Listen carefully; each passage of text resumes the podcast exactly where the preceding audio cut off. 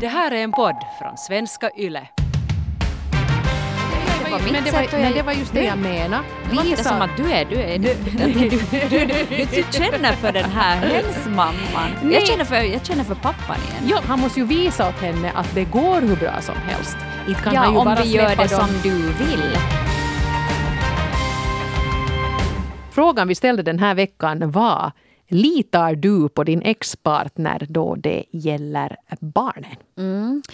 De flesta har vecka vecka, det vill säga att man ena veckan hos mamma, andra veckan hos pappa och andra, vissa delar upp det på ett annat sätt, kanske kortare Halva tidsintervaller. veckan, halva veckan eller, Ja. eller vad som nu funkar bäst. Ja, men ofta så delar man i alla fall upp det på det sättet att barnen är enbart hos den andra föräldern en viss tid. Och vad tänker du då? Tycker du att, att eh, det känns bra och att du litar på ditt ex och att du litar på att barnen är klädda och går till simskolan och, och kommer ihåg kalaspresenterna? Eller är det så att du känner att du också måste lite sådär micromanage även tiden då barnen är hos den andra föräldern? Och det är ju knepigt det här för att nu har jag ju aldrig äh, skilt mig äh, eller separerat nu på det sättet att, att det ska vara barn involverade. Men, men när man gör slut med någon så tror jag ju ofta att det är skonsammast för båda parter att man faktiskt tar lite distans. Att man inte ser varandra så mycket så att man på något sätt lite kommer vidare i, i den här processen. Att, att gå vidare då på, på eget håll. Men har man gemensamma barn så kan man ju inte riktigt det utan det där ex-partnern finns ju ändå alltid där spökande någonstans i kulisserna. Och man måste hålla någon form av kontakt, kanske rent av dagligen för att få det här praktiska att gå ihop. Mm.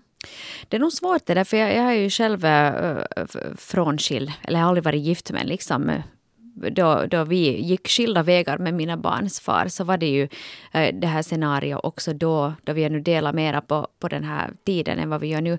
Så då var det ju det att man måste ju på något vis lita på att den här föräldern gör det på sitt sätt. Och med där, där menar jag också att man måste också respektera att den andra föräldern gör det på sitt sätt. De gör inte på mitt sätt. Och, och det är just det där som jag tror att är ganska avgörande, att man låter den andra föräldern sköta det så som hen anser det vara bäst. Givetvis så hoppas man ju att det skulle varann under någorlunda ordnade former. Men eh, jag tror att det är viktigt att man inte heller går dit och vet, typ, försöker potta och, och fixa för mycket. Nej, det kan jag nog tänka mig. Och jag kan också tänka mig att jag skulle vara just en sån där pottare om det här skulle bli aktuellt för mig. För att nu brukar jag ju ofta tycka att mina system är, är oslagbara. Och så blir jag hemskt irriterad om jag till exempel har varit på någon resa och kommer hem och ser att de har gjort på något helt annat sätt. Och, och nu är det råddigt och, och kaotiskt och, och alla rutiner har, har rubbats. Så kan jag nog bli lite sådär mm, Hemmet är fyllt av pizzakartonger istället för och alla den, den färdiga ekologiska långkokarna som du har bunkrat upp med i kylskåpet står oätna. jag, jag blir jätterörd av att du har så där höga tankar om mig. Jag, jag inte- insåg det jag sa men, det eh, att det var lite att ta i faktiskt. No. Mm. Kanske lite grann. Men hördu, jo, en sak ska vi säga här. Vi har fått höra att en del har haft lite svårt att få in sina svar via det här eh, formuläret den här veckan. Vi har nog fått in, uh, gudi nog med berättelser ändå, men beklagar om, om du försökte skicka in din berättelse men sen inte nådde fram. Eh, därför vill vi passa på att påminna om att det ju också, sådär som backup eller annars bara, ju också går att e-posta oss. Vi har en e-postadress som är relationspodden at yle.fi. Men då är jag ju inte anonym kanske du säger. Det är man ju via det här formuläret. Ja, men vi bryr oss inte det minsta om din e-postadress eller varifrån det här kommer och vi skulle absolut inte säga ditt namn i podden. Så du är också anonym eh, om du kontaktar oss per e-post. Mm, och inte säger vi det åt någon annan heller som Nej. jobbar här eller någonting. Det är bara du och jag Eva som vet vem som har skrivit. Nu kommer ett från antti.rinne. Ja, men han blir ju av med sin e-postadress säkert. edu.fi. Han måste få en ny. Eduskunt, nej, jag tror vad kan valtioneuvosto. Ja, vi får se. Eller atposti.fi. Ja. Vem vet vilken den nya e-posten blir. Hotmail. Ja, men men Nåja. som sagt, det har varit lite struligt. Jag har testat på olika datorer. På oli- vissa datorer funkar det och på andra datorer så har det inte funkat. Så, att, så att det, är Ja. väl, det är väl nu lite vad det är. Men några historier eh, har i alla fall kommit in och de är vi väldigt glada för. Och vi ska också försöka hinna igenom så många som möjligt. eh, och och prata och höra lite vad ni tycker om hur det egentligen funkar det här med, med vecka vecka att dela på ansvaret och lita på, den, på ex-partnern. Varierande erfarenheter som alltid kan vi ju säga. En del tycker att det funkar ganska bra och för andra går det kanske lite bumpigt fram. Men i alla fall, vi kan ta den första storyn här som kommer från signaturen Arg men inte avundsjuk, 43 år gammal, eh, som skriver så här. Jag litar nog på mitt ex men inte på hans nya. Först blev jag glad när min partner efter många om och men hittade en ny. Jag tänkte att nu blir det lite vett med i bilden, men nej. Hon är helt ointresserad av barn och har inga modersgener alls. Vilket ju är helt okej, okay, bara det inte skulle vara det att hon är med mina barn varannan vecka. Hon förstår inte alls att barn inte är vuxna och hon fattar inte varför vissa saker inte är passande för min åttaåriga tjej och elvaåriga kille. Bland annat badar hon bastu med dem båda och springer naken i huset och drar snuskiga skämt. Det är faktiskt inte passande. Och vad jag än säger om saken så tror min man att det är jag som är avundsjuk på den nya. Herregud. Jag ska ha gjort vad som helst för att han skulle ha fått en kvinna men så beskylls jag för någonting sånt här. Jag får alltså inte kritisera henne det minsta och jag oroar mig för att hon skadar dem på något sätt med sin frigjordhet. Eller jag menar att hon är för sexuell. Jag vill att mina barn ska få vara barn så länge det bara går. Oho. Oho. Oj, oj jag, jag, jag förstår nog det bra. Alltså, för det första, hatten av för det att du, du har önskat att din partner ska få en ny flickvän. Och sen är du glad för hans skull sen då det har hänt. Mm. Men sen just att om du får en, ett sån här ohämmat eh, sexmonster. Lady Godiva. Ja, någon som vet, du, springer omkring där i raffset eller utan någon klä en endaste tråd på kroppen hela tiden och drar snuskiga mm. skämt. Då kan jag ju förstå att det kanske känns som att det här är inte det bästa tillvägagångssättet. Det kommer till ändå relativt små barn.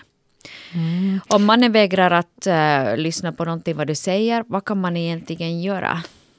Ja, hmm. nu, nu är det här ju också knepigt att, att säga eftersom man ju inte har, har total insyn i den här situationen. Men äh, jag, jag, tror ju nu instinktivt inte att barnen på något sätt tar skada av att deras nya styvmor springer omkring nakupelle där hemma ibland eller att hon badar bastu med dem. Eh, jag har en kompis som blev tillsammans med en man som hade ett litet barn när de träffades. Då var det där barnet bara några år gammalt och, och då tror jag det var ändå helt naturligt att gick de i bastu så gick de alla med för att han var så liten den där pojken. Nu är pojken däremot tonåring och där i något skede så insåg min kompis att, att den kom den där gränsen emot att nu är det inte mera bekvämt att vi badar bastu tillsammans.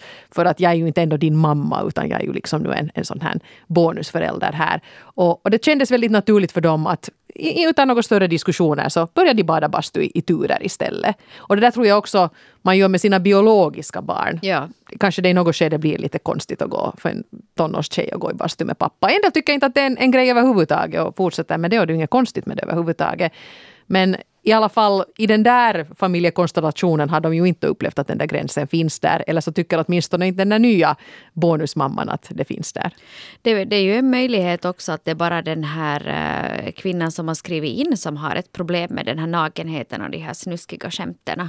Och att mm. man badar bastu tillsammans. Det kan ju hända att det inte alls är ett problem. Sen är det ju ett problem förstås att om barnen blir lite äldre. Jag mm. menar åtta och elva kanske inte tänker ens på sådana här saker nödvändigtvis ännu. Men sen att om du verkligen skulle tvinga tvinga ett barn som inte vill gå i bastu med dig, då är det ju givetvis o, eh, då passar det ju inte att man gör det. Då är det ju liksom fel. Men om, men om ingen där har problem med det så, så kanske det är egentligen du som har problem med det här allra mest. Ja, eh, och där måste man ju lite kolla att verkar barnen på något sätt tycka att det är jobbigt med den här nakenheten? Tycker de att det är jobbigt med snuskiga skämt och att de tycker att oj, jag vill inte höra sånt.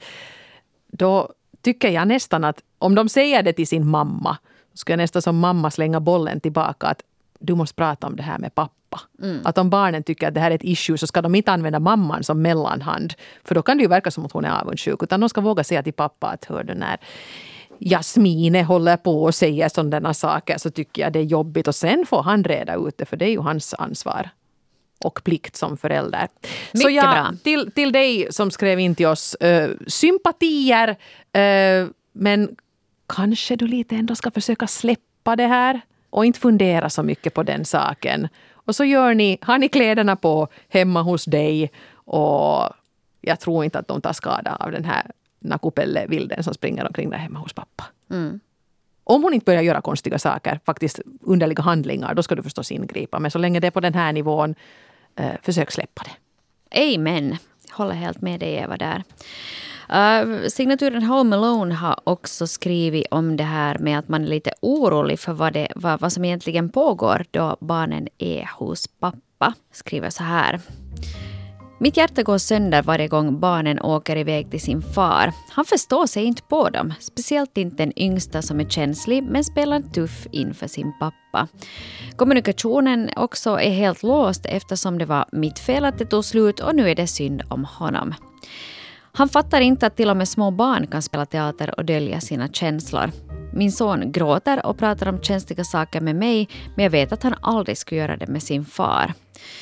Så då jag ser framför mig hur otroligt ensam han måste känna sig där utan mig. Jag klarar inte av att ens tänka på det så försöker stänga av helt. Bara tänka på någonting annat. Tänka att det finns barn som far illa världen över. Och att mina åtminstone får mat och tak över huvudet. Så skriver signaturen Home Alone. Usch vad jobbigt. Jag kan ju föreställa mig det här att man går de där veckorna när man är ensam och, och, och liksom oroar sig och funderar att hur, hur är det nu med den här saken. Men här undrar jag en sån sak. Eh, som sagt, jag har aldrig levt i en sån här situation eller haft ett sånt här upplägg. Men nu ska man ju kunna vara en närvarande och, och tröstande förälder också fast man inte fysiskt är på plats. Att kan man inte ha en sån deal i så fall? Det är när som helst okej okay att ringa mamma om jag känner mig ensam eller, eller rädd för någonting. För att jag tror att många barn har ju lite olika grejer som de tar med, med endera föräldern. Att det behöver inte vara det att man föredrar den ena föräldern, men man har kanske lättare att ta upp vissa ämnen med mamma eller med pappa. Och kanske det här barnet just nu har såna grejer som det helt enkelt är lättare att diskutera med mamma. Och då är det ju lite dumt att begränsa det till att jo, det kan du göra, men bara varannan vecka. Mm. Att du kan inte ringa till mamma och diskutera då när, när du är hos pappa. Jag tror också att det skulle kunna vara bra att, man, eh, att båda föräldrarna emellan pratar om att har vi samma barn där hemma? Det, ja, brukar, just det. det brukar de ju prata om emellan i, i skolan eller på dagis på sådana utvecklingssamtal. Att man stämmer av att är det samma barn som är i skolan som är där hemma. Har vi samma upplevelse av hur det här barnet mår, hur det beter sig just nu. Om det här skiljer sig jättemycket från det ena hemmet till det andra så då antagligen så kan det finnas någon sån här, någonting konstigt där mm. i bakgrunden. Men, att, men sen också, jag vet inte, jag menar vi är olika med olika människor. Eh, som du lite var inne på där Eva också, att, att du kanske beter dig på ett visst sätt då du är med någon och på ett annat sätt då du är med någon annan. Och, och, för många kan ju kanske mamma, eller varför inte pappa också vara den där ultimata trygghetsfaktorn, den där klippan som man sen vågar bryta ihop mot. Mm. Båda föräldrarna mm. kanske inte är den. Inte vet jag ens om båda föräldrarna behöver vara den. Men uh, antagligen så uh, är den här som har skrivit brevet en sån som sen får ta det och jag, jag, undrar också, jag menar en teori här kan ju också vara det att det här barnet nu inte på något sätt far illa och går omkring och våndas medan, medan barnet är hos pappan. Då. Men att det kanske ändå blir lite en sån där grej att nu är jag hos mamma, nu släpper jag lös. Kanske det inte egentligen har byggts upp men man känner att ja, nu är jag i den här miljön var det här är okej. Och då passar man på att, att gråta en skvätt för att det, det är skönt och för att det känns tryggt för att det här kan jag göra här då. Men behöver alltså inte nödvändigtvis vara så att den där ungen har suttit liksom i, en, i en vrå och, och tyckt att, att det är otryggt eller jobbigt hos pappan. De kanske har haft riktigt roligt men de umgås på ett annat sätt. Mm. Det vet jag inte. Nu har det varit många som har skrivit in just om att ah, det är pappa som beter sig illa. Men vi fick också faktiskt in eh, en berättelse här om en pappa som har blivit ja, ska säga, ensam i båten och, och hamnar och, och ro hela lasset.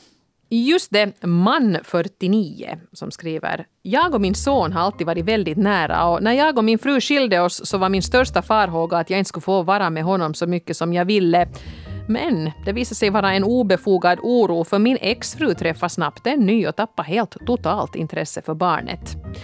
Jag är numera helt ensamstående förälder som sköter barnet medan exfrun och nya pojkvännen reser runt jorden. Man 49. Hurra för dig man 49. Det var tur att, att du gick med på att ta eh, den, det ansvaret. Lite märkligt agerat av, av exfrun måste jag nog säga. Jag förstår att man tappar intresse för sitt ex men att tappa intresse för sitt barn det kan jag nog inte godkänna på mm. något plan. Jag tyckte att det var ändå på något vis bra att, att man kan ta upp en, en en sån här aspekt också. För ofta så målas det upp så att mammorna är de som alltid är de här hjältinnorna som sköter hela hemmet och sköter barnen. Och papporna är ute och vänstra med sina sekreterare eller lämnar sina uh, familjer för någon yngre kvinna. Och så här. Så för vi det... lever i en sån här Mad Men-tillvaro. Ja, men på det sättet tycker jag också att det, det är liksom bra att, att man märker här också att det finns också pappor som är den där som stannar kvar, som är den där trygga mm. uh, personen då i, i tillvaron. Medan mamman då mitt i allt har blivit stormkär och, och tycker att det är kanske är roligare då att rajta runt då med nya älskaren. Ja. No, jo, det, det, kan ju vara roligt att rajta runt med en ny älskare. Nu förstår jag ju det. Och mm. kanske man skulle kunna få göra det i någon vecka där när det, när det pirrar som värst utan att behöva speka sig själv efteråt. Men att nu liksom helt försvinna ur den här barnets vardag. Det är nog inte schysst vare sig det är en mamma eller en pappa som gör det. Och det, det, där är nog en sak också att, att um, ju längre man är ifrån uh, sina barn, om vi ser fast att man drabbas av den våldsamma passionen och så är du från dem ett tag. Så sen blir ju också tröskeln högre att börja vara med de där barnen igen. Säkert. Att ju längre du är borta desto mer främmande känns det säkert också i de där barnen. Och barnen också säkert funderar att hej, vart får mamma? Eller vart försvann pappa? Mm. Och, och då kanske det är ännu svårare att ta, eh, liksom försöka Eh, återövervinna den där relationen man hade till barnen någon gång om man en gång har dumpat dem. Mm. Och så tänker jag ju också på det här att tänka sig in i de där barnens situation, att redan det där att, att vänja sig vid en sån här nomadtillvaro där man ska liksom bo på en ny plats, inte ny plats men byta, byta mellan två hem varje vecka. Det tar säkert ganska länge att vänja sig vid det. Jag tänker om man själv skulle hålla på på det där sättet, herregud vad man skulle glömma grejer och prylar och undra att var är alla saker och, och när borde jag fara hemifrån för att hinna till skolan och, mm. och sånt här. Det, det är liksom en, en övergångstid som, som behövs där innan man blir van vid det där. Och barn tycker ju om när de har kontroll, när de förstår, när de ändå känner att japp, japp, japp, ja, ja, så här gör vi, okej, okay, eh, det har förklarats för mig det här och det är så här det funkar. Yes, check. Då klarar de sig, tycker jag i allmänhet, ganska bra. Men om det blir så här råddigt och osäkert om man hela tiden måste kolla att hur funkar det här och vart tog mamma vägen och vem är Juan, ska han bo hos oss nu också? Då, då blir det ju på något sätt en, en väldigt underlig tillvaro för det där barnet fast alla skulle älska och omhulda ungen. Mm. Det blir förvirrande. Ja. Mm. Och vem är nakna tanten pappa? Varför låter hon så där om nätterna? ja.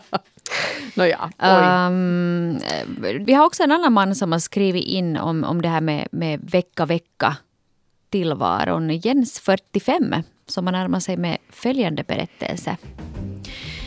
Vi har det helt bra. Trots att min exfru och jag inte funkar som kärlekspar så är hon en fin mamma och jag är glad att hon är mina barns mamma.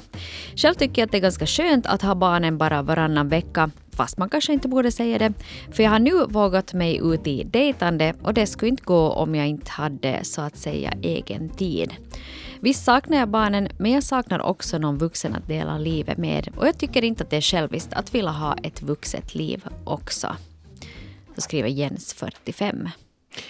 Det tycker jag också är en, en, en trevlig aspekt att läsa. Att man kanske lätt börjar måla upp det här med oh, skilsmässa och separata boenden som någon sorts domedagstillvaro. Det behöver det ju inte alls vara. Om alla pusselbitar landar och, och man på något sätt får vardagen att rulla på så kan det ju faktiskt ha sina fördelar, vilket då Jens här har, har noterat. Mm. Jag tycker det, det, var någon som sa någon gång som var i just i ett förhållande som var nästan lite avundsjuk på den här vecka-vecka-tillvaron. Att, hej, att det kan ha ju, varit jag. Det kan ha varit du. Att, liksom, att varannan vecka sen så får man göra vad man vill. Att du kan ja. få träna, du kan gå och shoppa, du kan träffa dina kompisar, du kan gå på bio. Allt sånt här som du inte gör kanske nödvändigtvis då du har barnen. Och samma också just det med det här dejtande att, att de som har vecka-vecka så de har ju en möjlighet att träffa en ny partner Precis. Man behöver inte ha det här huvudansvaret för barnen men i bästa fall ska man ju ändå ha någon sorts kontakt med de där barnen så att man inte liksom behöver överväldigas av den här saknaden varannan vecka utan ändå veta att ja, ja, de är där och, och, och vi chattar lite här och, och, det blir nog bra. Uh, och nu kan jag göra det här den här veckan för att det är min, min ensamma vecka. Jag tänker lite på de här tidigare eh, brevskrivarna också som hade skrivit in att de är så oroliga för barnen, hur de har det då de är hos den andra föräldern och att man är ensam och man oroar sig. Kanske eh, ni också borde använda den här lediga tiden till att göra någonting för er själva som vuxna människor människor. Är det sen att fast gå på en dejt eller göra någonting annat som du tycker att är kul, att man verkligen liksom försöker utnyttja den där tiden så att man inte bara sitter hemma och sjunger All by myself och vet du, titta på bilder av barnen. För jag tror inte att det är bra heller att man enbart fokuserar på dem. Mm. Och jag håller jättevarmt med Jens här också. Att jag tycker inte alls att det är själviskt att vilja ha ett vuxet liv också fast du är en förälder. Att, Nej. att den här tiden som, som du är ensam, använd den till att göra kul saker. Du har också ett liv. Och ditt liv går inte enbart ut på att du ska vara dina barn eh, barns serviceinstans. Utan det kan ju hända att, att du, du vill föra din egen bil på service också emellan, så att säga. Nu viftar hon våldsamt här med, med ögonbrynen. Så det här att föra sin egen bil på service var tydligen någon sån här referens som den här första brevskrivaren inte skulle ha uppskattat. Men jag, jag förstod inte den, för jag är så naiv och blåögd. Förstod du inte den? Hallå! Du har varit gift för länge, Eva. Det är bara så här. och jag har ingen bil. Jag hoppas att någon där ute är med mig i alla fall. Garanterat är de. Eller sen var det bara en jättedålig metafor. Mamma Mu 37 har skrivit till oss just lite gällande det här med oro. Ja, jag litar på ex-partnern för det mesta, men jobbigast blir varannan vecka-livet när barnen är sjuka. Om de är hos honom blir jag superorolig för då vill jag ju vara med dem och då blir jag osäker om han säger att ah, ex hade nu bara lite feber så hon kunde vara ensam hemma från skolan tyckte jag. Jag skulle vilja vara med och göra den där bedömningen liksom. Å andra sidan när barnen blir sjuka hemma hos mig då skulle jag önska att det fanns en möjlighet att få en second vuxen opinion Liksom någon som delar oron med mig och sen gör upp en strategi. Jag och min exman har hyfsat bra kontakt och jag skulle nu verkligen inte vilja bo med honom längre men ibland blir det så tungt att vara ensam med ansvaret. Mamma Mu 37 skrev så. Mm. Det där kan jag nog förstå väldigt bra uh, i och med att jag lever ensam med mina barn så, så ibland känns det nog väldigt tungt att ha det där ansvaret ensam och vara den som ska ta ställning till just att är barnet för sjukt för att gå till skolan eller måste vi stanna hemma? Du vet att klockan är sju på morgonen och alla barn är så att ja, jag är lite sjuk, jag vill inte gå till skolan. Och försöka då där i det skedet avgöra. Och sen att om du måste bli hemma, hur ska du fixa det med jobbet? Hur ska du få dina andra mm. barnen till skolan? Att då inte kunna ha en annan vuxen att ty sig till, det är ganska jobbigt för du hamnar att ta hela den skiten själv. Det förstår och, jag precis. För jag menar ja. så som vi gör hemma hos oss i de här situationerna är ju liksom att vi, vi har en liten förhandling och försöker liksom se att jaha okej, okay, är det nu feber? Nej, jag tycker nu inte att hon känns så varm. Jaha okej, okay. uh, har det gått något magont i skolan? Okej, okay, jo, nej. Har du något viktigt möte på morgonen? Jo, men på eftermiddagen ska jag kunna vara. Och så kanske man kommer fram till en strategi. Och inte det är ju kul inte, men, men det känns ju ändå på något sätt så där hanterligt på ett helt annat sätt än när man själv då, som, som du alltid gör, står där och får ringa och säga att nu får kan Peter Falun ta vegadag idag? Ja. Sorry, sorry, it's not gonna happen. Jag kan inte komma. Ja, och där blir det också därför det, det måste säga att det är en sån samhällelig aspekt av just det här med att ha sjuka barn. Att till exempel här var vi jobbar som är ett statligt bolag. Mm. Där kan du ha tre sjukfrånvarodagar i månaden hemma med sjukt barn under tio år. Men sen om du har två barn som fast är båda under tio år och de blir sjuka men på olika tidpunkter. Vad gör du då? Jo, då hamnar du börja ta ut oavlönad semester eller sen semesterdagar. Och det där är ju lite, lite sugigt då. Speciellt kanske just att om du har sådana du har en magsjuka där det finns också en smittoriskperiod. 48 symptomfria timmar innan du återvänder till skolan. Det blir ofta tre dagar åtminstone, om inte fyra, som du ska vara hemma. Och sen nästa vecka får det andra barnet samma sak. Mm. Så, så där är det en ganska stor liksom, ekonomisk smäll också som man får ta om man inte har någon annan vuxen att dela ansvaret med. Så är det ju. Ja. ja. Ansvar och också den här orosaspekten. Det är ju hemskt när ens barn är sjukt och man inte är där. Fast det skulle vara världens minsta lilla flunsa så skulle man ju på något sätt vilja vara där och, och trösta. Mm. Eh, ska vi hinna med någon story ännu? Det tycker jag nog att vi skulle faktiskt kunna eh, göra. Uh, här är någon som har skrivit som inte har en signatur faktiskt, men vi kanske kan läsa upp det i alla fall med ett ex som stressar lite väl mycket. Vi har löst det helt bra. Tyvärr är mitt ex lite för mammig av sig, eller vad jag ska säga. Det är som att allt i hennes värld kretsar kring barnen och helst skulle hon vilja att jag också var hemma med dem 24-7 de dagar som jag har dem. Och jag vet att vad jag än gör för dem så är det ändå för lite och högst antagligen fel enligt henne. Så fort någon ens nyser så ska man in på akuten. Men jag vägrar att gå Men jag vägrar gå in i hennes hets och stress helt enkelt för att jag inte tror att barnen mår bra av det. Vad säger ni? Är det inte bättre att barnen tidigt förstår att hela världen inte cirkulerar kring dem? Eller? Uh, ju, ja, Ja. Nu, nu, är det ju, nu är det ju det. Det finns, det finns två aspekter där. Eh, barnen ska veta att de är nummer ett för dig som förälder. De ska veta att du, det är du som går först. Men sen finns det ju också placering 2 till 99 i ditt liv som också är viktiga och som också måste hitta ett utrymme i din tillvaro. Så det är kanske där lite att hitta den där balansen. Jag tror nog att det är viktigt att barnen ska få känna att de är nummer ett och att de- är den som du prioriterar högst. Men samtidigt så, så måste man givetvis ha någonting annat att göra. Och det kan ju hända här nu då att, att eh, ditt ex är lite av en sån här hönsmamma som Eh, har gått lite för hårt all in då det kommer till barnen. No, jag måste ju kanske säga att jag, jag är ju lite hönsig nog ibland jag också. Därför ska jag kanske säga till den här som har skrivit att var, var ändå lite barmhärtig med den här mamman. Att försök att inte bli arg när hon håller på och hönsar på. Utan svara istället att jo hör du, det var riktigt bra att jag gjorde som du sa. Att, att den här halva buranan den, den gav jag nu här. Och, och det blev nog sen bättre. Att, att det var nog bra. Att vi, vi visste ju precis att vi, vi gjorde nu som, som de sa att de brukar göra hemma hos mamma. Spela lite med så lugnar hon ner sig och då kan det hända att ni framledes får mycket smidigare. Hon kanske lite nojar upp sig nu när hon inte är med barnen. Jag vet vet hur länge ni har, ni har levt på varsitt håll nu men, men jag, menar, för jag, jag, jag förstår att man blir irriterad och vill helst av allt ryta att nå herregud, jag är inte ett barn jag också. Jag kan hantera det här och vi måste sluta liksom uh, curla de här ungarna. Men jag skulle nästan tro att du kommer enklare undan om du lite bara håller god min och säger att japp, jag fixar det. Men jag, jag håller inte med om det här för då blir det just en sån här prismaförälder.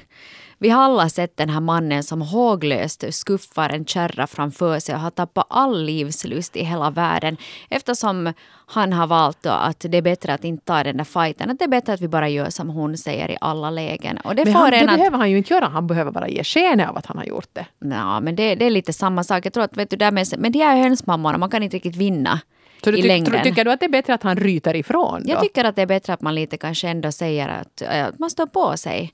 För jag menar om du ändå är en fullt kapabel förälder som kan ta hand om dina barn så kanske du här måste markera det att jag kan faktiskt ta hand om dem. Men jag gör det, var på ju- mitt men det var, sätt. men jag, det var just det jag menade. Det som att du är, du är, du, du, du, känner för den här hönsmamman. Jag känner, för, jag känner för pappan igen. Ja, men absolut. Men det var lite det jag menade också. Att han måste ju visa åt henne att det går hur bra som helst. Inte kan han ju ja, om bara vi gör det dem. som du vill. Det vill säga att det går jättebra om jag gör som du säger att jag ska göra. Nå, han kan ju välja att ryta ifrån och så ringer hon hela natten och nojar. Ja, men jag kommer svara inte i telefon. Nå, då kommer hon ju dit. Nu vet jag ju hönsmammorna. Ja. Nej, men jag, skulle- Jag min- tycker, min bara att det är fel, jag tycker att det är fel att en ska få bestämma hur det går till. Jag skulle känna det, tycka att det är jätteobehagligt om jag skulle säga det fast mina barns far på något vis skulle ha rätten att bestämma hur jag gör med mina barn. Jag skulle inte gå med på det. Och jag tycker inte att jag behöver gå med på det heller. Men nåja. Man får inte hem den här hönsmamman att lugna ner sig genom att ryta åt henne och sen Inte stänga jag ut ryta, jag menar henne. bara att man markerar. Att, att liksom Markera, okej, men jag tror hon kommer att sluta noja så fort hon börjar inse att okej, det går faktiskt helt bra hos dem. Han har det covered. Eh, och då tror jag inte att du har kommit till den punkten snabbare om du har blivit irriterad och snäst ifrån. Inte menar jag att man behöver vara arg. Jag tycker bara att man måste liksom stå på sig själv. Att man inte alltid ger med sig. För vissa människor sådana Jag att tror det, egentligen att vi är ganska överens. Men vi ser Jag tror inte vi är olika- överens. Jag tror inte att vi är det. Men det är bra, för att folk Ja. Mm. tycker ju olika och det är ju uppenbarligen en konflikt här också. Och därför det visar ju tydligt, vet du, du tar hennes parti, jag tar hans parti och där märker man att det här funkar inte. För jag, men du och jag Mm. kommer inte heller överens nu. Ja, nej. nej, men det var faktiskt det var, det var ett brev som vi fick som, som var lite samma scenario. Vi kan ju se om vi på något sätt kan, kan landa i någon sorts konsensus gällande det. Eh, här, från Doggelito som var 43 år gammal. Min exfru var hemma med barnen i tre år. Klassiskt upplägg. Det var en utmaning ekonomiskt men jag jobbade så att det skulle gå ihop. Idag är vi skilda sedan några år tillbaka och pojken är tio men fortfarande känns det som att hon underkänner mig som uppfostrare. När han är hos mig skickar hon påminnelser om allt, som om vi båda skulle vara barn nästan. Och herregud så jag har fått höra för att jag lät pojken titta på en film som egentligen var barnförbjuden. Jag hade sett den förr och tyckte inte den var så hemsk, så vi såg på den tillsammans och han ville genast se den på nytt. Men på henne låter det som att jag har låtit honom se på hårdporr, minst. Och om jag någon gång ens lite kritiserar någonting som de har gjort medan pojken varit hos henne blir hon skogstokig. Så hon får säga vad som helst till mig, men jag får inte säga någonting till henne. Och så var det när vi var gifta också. Här tar jag ju nog absolut pappans parti igen, för det här tycker jag inte är en hönsmamma, det här är en tjatmamma. Uh, och jag Men tycker det är en lite annan sak. Då, eller? Nej, hönsmamman är den som på riktigt vet du, är upprymd i den där oron. Hon är så orolig, men det här är kanske mer en sån där som sitter och, och bitchar om det där exet. No, han har säkert glömt, han har säkert glömt. Och det är inte egentligen Mm. det där att hon är oroad för det där barnet, utan hon är så uppe i det här att hon ännu är sur på det här exet. Just det, Jag ja. tycker det är Så lite du tänker olika att, saker. liksom att, att hon använder barnet som ett ämne med vilket hon då kan liksom kritisera den här mannen. Ja, så kan hon marra till sina kompisar. Så kom vi dit och inte hade de ju vet du, med något skridskor till skolan så att vi måste nu få efter dem då vet du. Och jag som redan var lite försenad. Och det var nu, alltså, men det är så här han är. Det är så här han är. Ja. Mm. Och sen hade de sett på någon helt hemsk film, alltså med vet du, något orkar eller någonting. Och jag menar, jag var så här, nej men vi ser inte på sånt här. Ja. så där Det där säger låt- jag till mamma. Det där Buzz låter inte, off. helt, ja, det låter inte helt obekant, tycker jag. Den här imitationen av den frustrerade modern. Ja. Ja.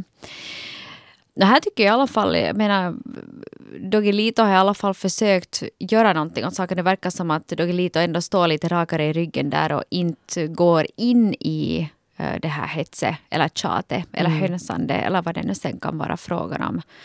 Jag tror nog att man måste ha en respekt liksom för den andra personen. Att den också är kapabel. Om den är kapabel. Jag menar, har den fel i huvudet eller är sjuk eller någonting annat hemskt. Missbrukare. Ja, så då, då, kan du, då är det ju en Mm. annan sak. Nu talar vi om helt vanliga sansade föräldrar. Att man måste nog, tror jag ändå, respektera den andra så pass mycket och Mm. kanske lite komma ihåg att den, han är ju inte, eller hon är ju inte helt fel ändå. Vi har ändå valt att leva tillsammans. Vi har ändå valt att göra barn ihop. Jag har ändå tyckt att den här personen har massor med fina kvaliteter. Att kanske den inte har blivit totalt värdelös på allt bara Mm. för att vi skilde oss. Exakt. Ja. Ömsesidig respekt är ju ett bra utgångsläge i, i de här situationerna. Fast det ibland är lite lättare sagt än gjort. Tusen tack till alla er som har skrivit in än en gång. Kom ihåg att relationspodden at yle.fi. Det är mejladressen dit du kan skriva när helst du önskar. Mm. Fortsätt gärna att diskutera det här förresten i Facebookgruppen. Vi kom lite ihop oss här så det ska vara intressant nu att se vad ni ansåg eftersom det för en gångs skull blev lite, vi brukar ju sitta här som Humla och Dumla och tycka ganska detsamma men nu var vi lite oense. Men vad tyckte publiken? Facebookgruppen Relationspodden Norrena och Frans är rätt forum att diskutera den här saken vidare så jag hoppas att vi ses där. Tack för idag! Slut för idag.